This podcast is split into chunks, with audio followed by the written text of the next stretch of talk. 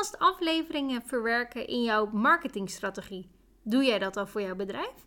Of laat je eigenlijk je podcastafleveringen nog een beetje buitenspel staan? Dit is reuze zonde als je dat doet. En ik zou zeker zeggen, maak er vandaag nog verandering in. Want op het moment dat jij reclame maakt voor jouw afleveringen, worden die ook beter bekeken. En ook als jij jouw podcastafleveringen deelt, bijvoorbeeld in je e-mailmarketing, dan zien zij ook dat jij afleveringen maakt. En dan heb ik het nog niet eens over social media, waar jij wekelijks of maandelijks het thema podcastaflevering kan laten voorkomen, zodat jij ja, eigenlijk iedereen laat weten: jongens, ik maak podcastafleveringen. Ja, je hoort het al, ik ben reuze enthousiast daarover. En ja, podcastafleveringen is voor mij ook een ingang waardoor ik nieuwe klanten aantrek, omdat zij bijvoorbeeld zo'n aflevering hebben gehoord en ook echt daardoor in beweging zijn gezet. En als ik dat kan, dan kan jij dat ook. En daarom ga ik deze podcastaflevering voor jou opnemen en ga ik jou meer vertellen over de manieren of de, eigenlijk de vormen waar jij afleveringen ook nog over kan opnemen. Want het is veel meer dan die ene vorm die jij wellicht nu kent. Ik ben Martina, presentatiecoach bij Echt Presenteren. Zelf maak ik vrij, nou ja, eigenlijk denk ik 90% podcastafleveringen over mijn business, over mijn vakgebied. En dat doe ik omdat ik ja, heel enthousiast ben over het presentatievak. En ja, daarmee help ik ondernemers. Dus het zou ook een beetje raar zijn als ik ineens zou vertellen dat ik afleveringen opneem over het kappersvak. Want ja, daar weet ik punt 1 niks over. En dat zou ook wel een heel raar gevoel voor jou zijn van joh, wat doet ze nu? Nou, en dat moet je natuurlijk niet creëren, dat gevoel. Dus daarom neem ik podcastafleveringen op over presenteren. En ja, weet je, het is ook een fijne stimulans om continu jezelf uit te dagen om weer naar nieuwe informatie voor jezelf te zoeken. Hè? Van waar heb ik het nu nog niet over gehad en wat zijn nog meer mogelijkheden? Of dat je ja, nog meer inzoomt op één onderwerp. Hè? Want voor jezelf is het oh zo duidelijk. Maar kan je het ook zo duidelijk verwoorden dat het voor een ander dus ook duidelijk is? Dat is soms wel een dingetje. En daarbij heb je natuurlijk ook dat je podcastafleveringen aan elkaar kunt gaan linken. Van joh, ik heb in podcast Hupplepup het gehad over. En daar ga ik nu weer op verder. Dus dan kan je die podcast ook op je website bij elkaar zetten of aan elkaar linken. En ja, er zijn zoveel dingen mogelijk. Daarom is het goed, even een tippie, om een lijst te maken met de afleveringen die je al hebt opgenomen. En ook waarover hij gaat. Want één onderwerp kan, nog steeds tig verschillende dingen bevatten. En dat is wel handig dat je niet al die afleveringen hoeft te beluisteren, hè, want dat kost veel te veel tijd. Al is dat natuurlijk wel weer een goede manier om te leren, ja, om jouw stem te leren kennen. Maar dat terzijde, daarvoor neem ik nu deze aflevering niet op, want ik ga het dus hebben over podcastvormen. Nou, je hebt er dus vijf en de eerste heb ik je al verteld. Dat is dus ja, praten over je eigen vakgebied. En dat is dus wel mijn favo. En de tweede die ik straks ook nog uitgebreider ga behandelen is een persoonlijke podcastaflevering waarin jij veel meer deelt over wie jij bent als ondernemer, maar ook als persoon. En daarmee leert de luisteraar en jouw potentiële klant wie je eigenlijk nog meer bent of uh, waarom je bent geworden wie je nu bent en wat jouw drijfveer is en waarom je dingen doet, zeg maar. En dat is zo waardevol voor een ander, omdat zij ja, ja, jou eigenlijk leren kennen op een manier die voor hun nog ja, onbekend terrein is, zeg maar. En als je dat weet, te, ja, weet hoe je dat moet gaan doen, ja, dan is dat zo waardevol. Oftewel, je hebt dus podcastafleveringen over je vakgebied, maar ook dus de persoonlijke versie. En het derde is dus een combinatie van deze twee. Dus dat je een, een vakgebied onderwerp uitkiest waar je persoonlijk op verder gaat. Of waar je ervaringen deelt die je hebt meegemaakt daarover. Of een mooie herinnering, of die van je klant. Of dat je gaat vertellen uh, wat dat met jou heeft gedaan. Misschien ben je er wel heel kwetsbaar door geworden. Of is je bedrijf succesvoller uh, geworden. Of het inzicht. Ja, je kan het zo gek niet opnoemen of je kan dat gewoon gaan combineren in één aflevering. En dan heb je eigenlijk het beste van de twee werelden, omdat je de persoonlijke kant laat zien, maar ook de business kant. En het mooie hiervan is, van deze drie of de combinatie, is dat jij jouw tekst deelt, maar dat je niet hoeft te schreeuwen: jongens, ik ben een expert. Maar dat eigenlijk de inhoud, de tekst die jij deelt, dat dat ervoor gaat zorgen dat jij, ja, dat jij een expert status claimt. Zonder dus dat jij die bewust hoeft te claimen. Van ik ben een expert, luister eens. Nee, nee. Zij horen dat op de manier waarop jij spreekt. Dat je met weinig us en ja, dat je niet in een sneltreinvaart aan het praten bent. Maar dat jij echt de tijd ervoor neemt om ieder woord voor woord, lettergreep, klinkers, noem maar op, uitspreekt. En dat stukje, ja, daarin kan jij gewoon het verschil laten zien, omdat jij gewoon spreekt vanuit jouw vakgebied of jouw rugzak bordevol ervaringen. En die combinatie, ja, dat is dus goud. Wat je ook nog hebt, is eh, een interview. En met die interview, dat is dus de vierde vorm, daarin kan jij dus samen met iemand anders eigenlijk een duo-podcast gaan opnemen. En jij kan diegene interviewen, maar ook andersom. En daardoor gaat eigenlijk jouw doelgroep een andere persoon leren kennen, maar ook de doelgroep van de desbetreffende persoon. Dus ook jouw netwerk wordt vergroot daardoor. Dus zeker interessant om daar eens wat meer, ja, meer kennis over te krijgen. Het enige waar je wel heel hard op moet gaan letten, want meer mensen om mij heen doen dit, die ik begeleid. En dan zeg ik altijd: luister naar elkaar. En haak niet in als een ander nog bezig is. Zo belangrijk dat je de rust ervoor neemt en dat stiltes mogen vallen. Dat is niks. Ja, dat is helemaal niet erg. Want door even een rustmomentje te creëren, geef je de luisteraar de kans om de informatie daadwerkelijk op te slaan. Terwijl jij alleen maar denkt: oh, dat is een awkward gevoel. Mocht dat zo zijn, dat is het totaal niet, want eigenlijk doe je ja, de luisteraar daar een plezier mee. En met zo'n interview, ja, weet je, ehm, ik zeg ook wel vaak: let op een kippenhokreactie.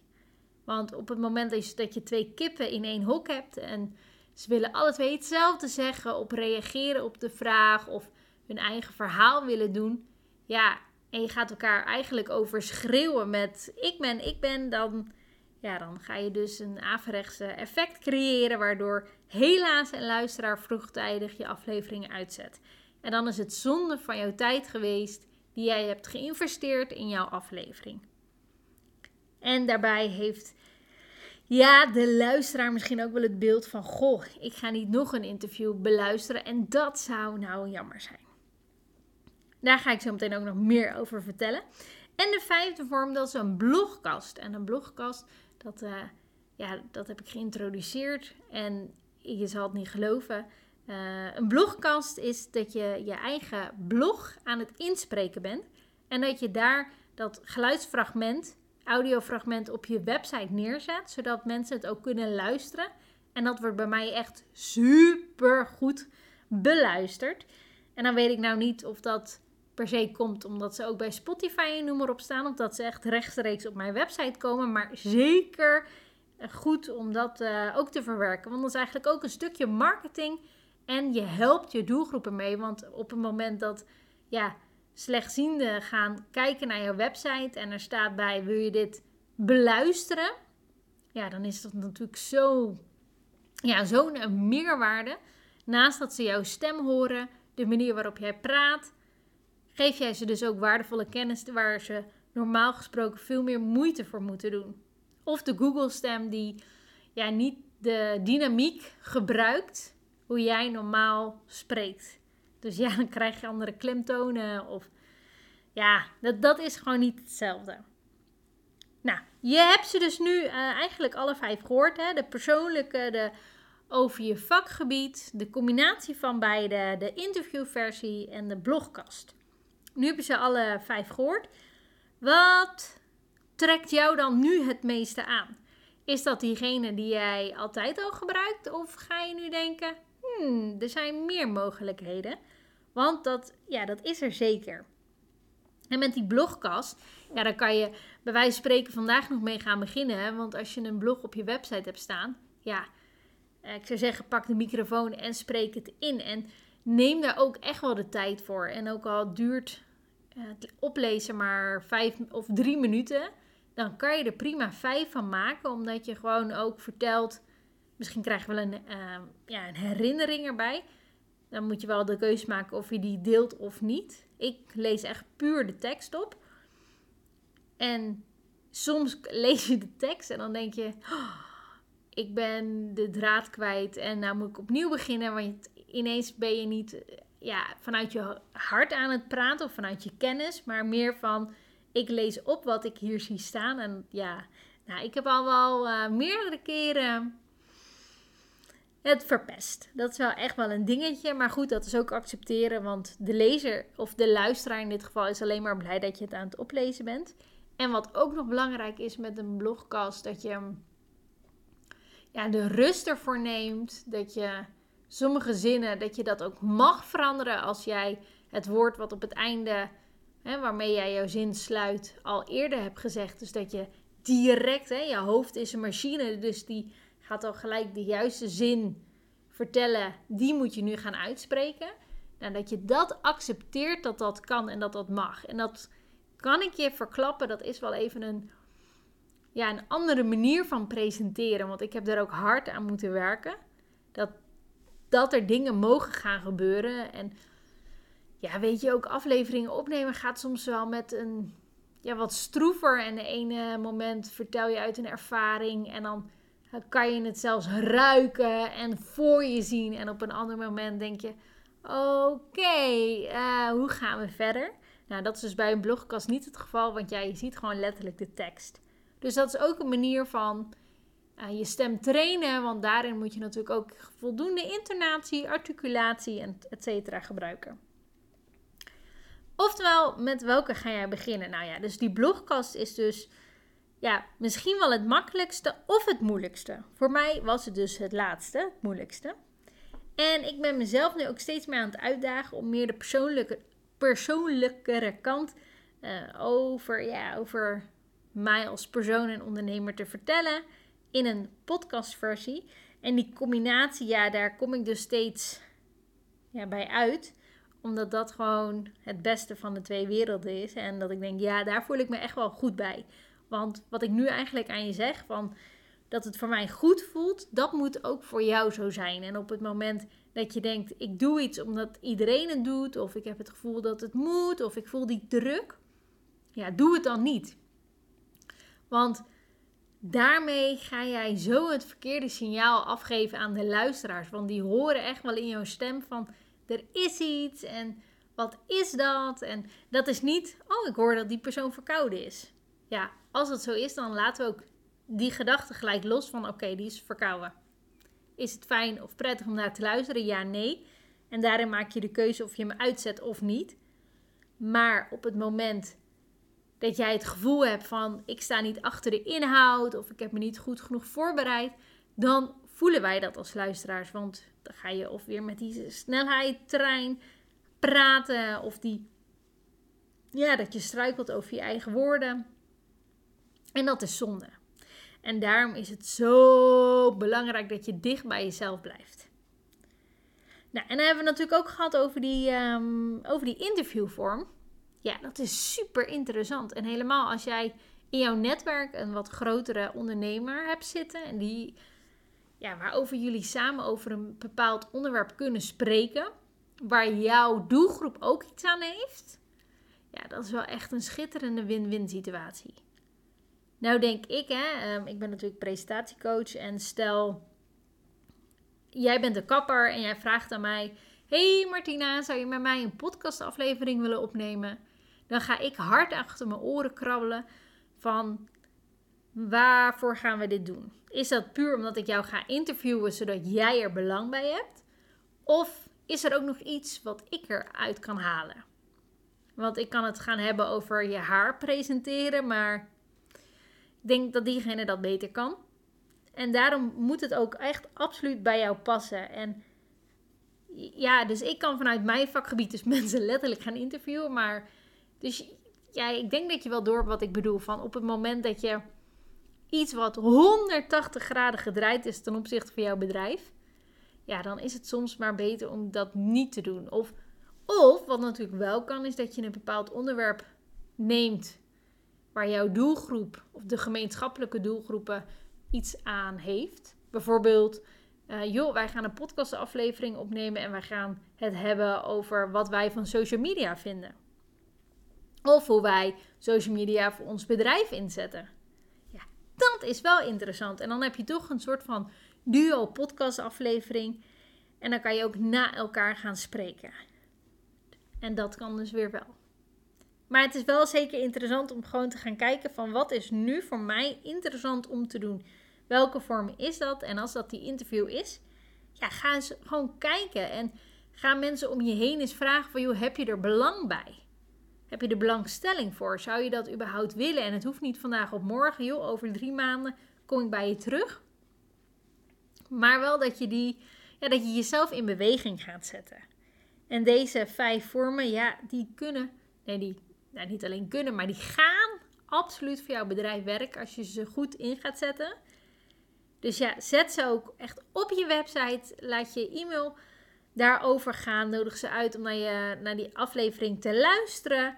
Ik had al gezegd social media, maar ook Pinterest. Pinterest doet ook echt super goed voor podcastafleveringen.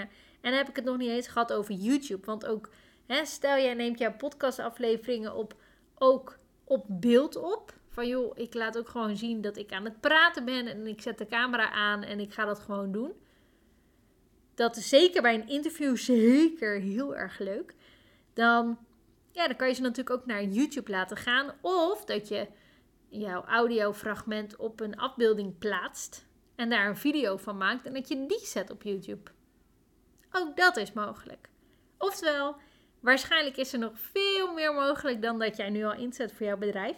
En dat is niet dat jij kansen niet grijpt, maar je moet ze wel weten. En dat is ook eigenlijk de, mijn hoofddoel geweest waarom ik deze aflevering überhaupt wilde opnemen. Want op het moment dat jij iets niet weet, ja, dan kan je het ook niet doen. Dus neem je het jezelf dan ook absoluut niet kwalijk. Maar ga wel kijken naar de mogelijkheden die je nu hebt. Daarom de vraag aan jou.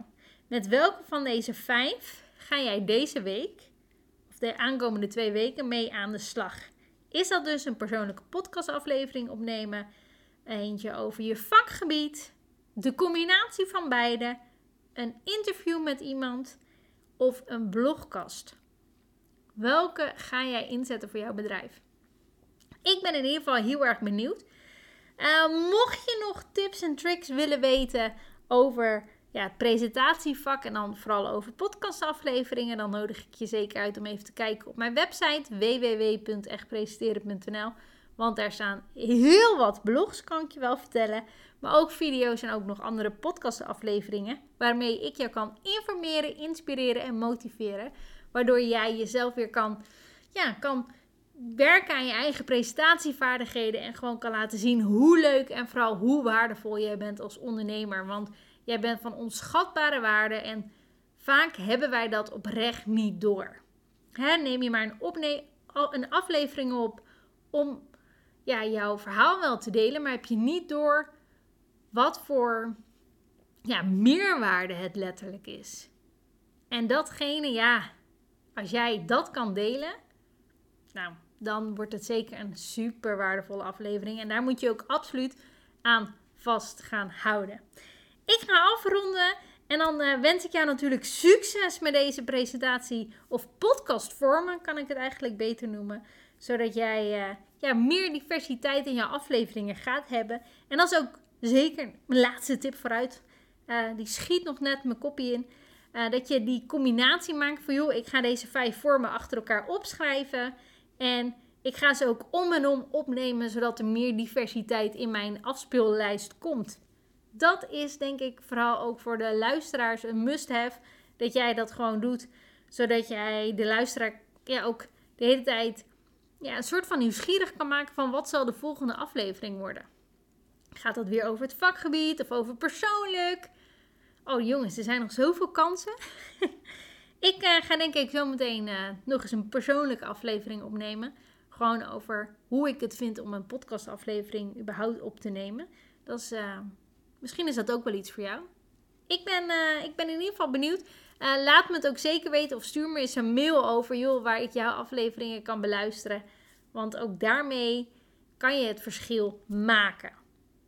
Succes en veel plezier met deze podcastvormen voor in, jou, ja, in jouw marketingstrategie te verwerken.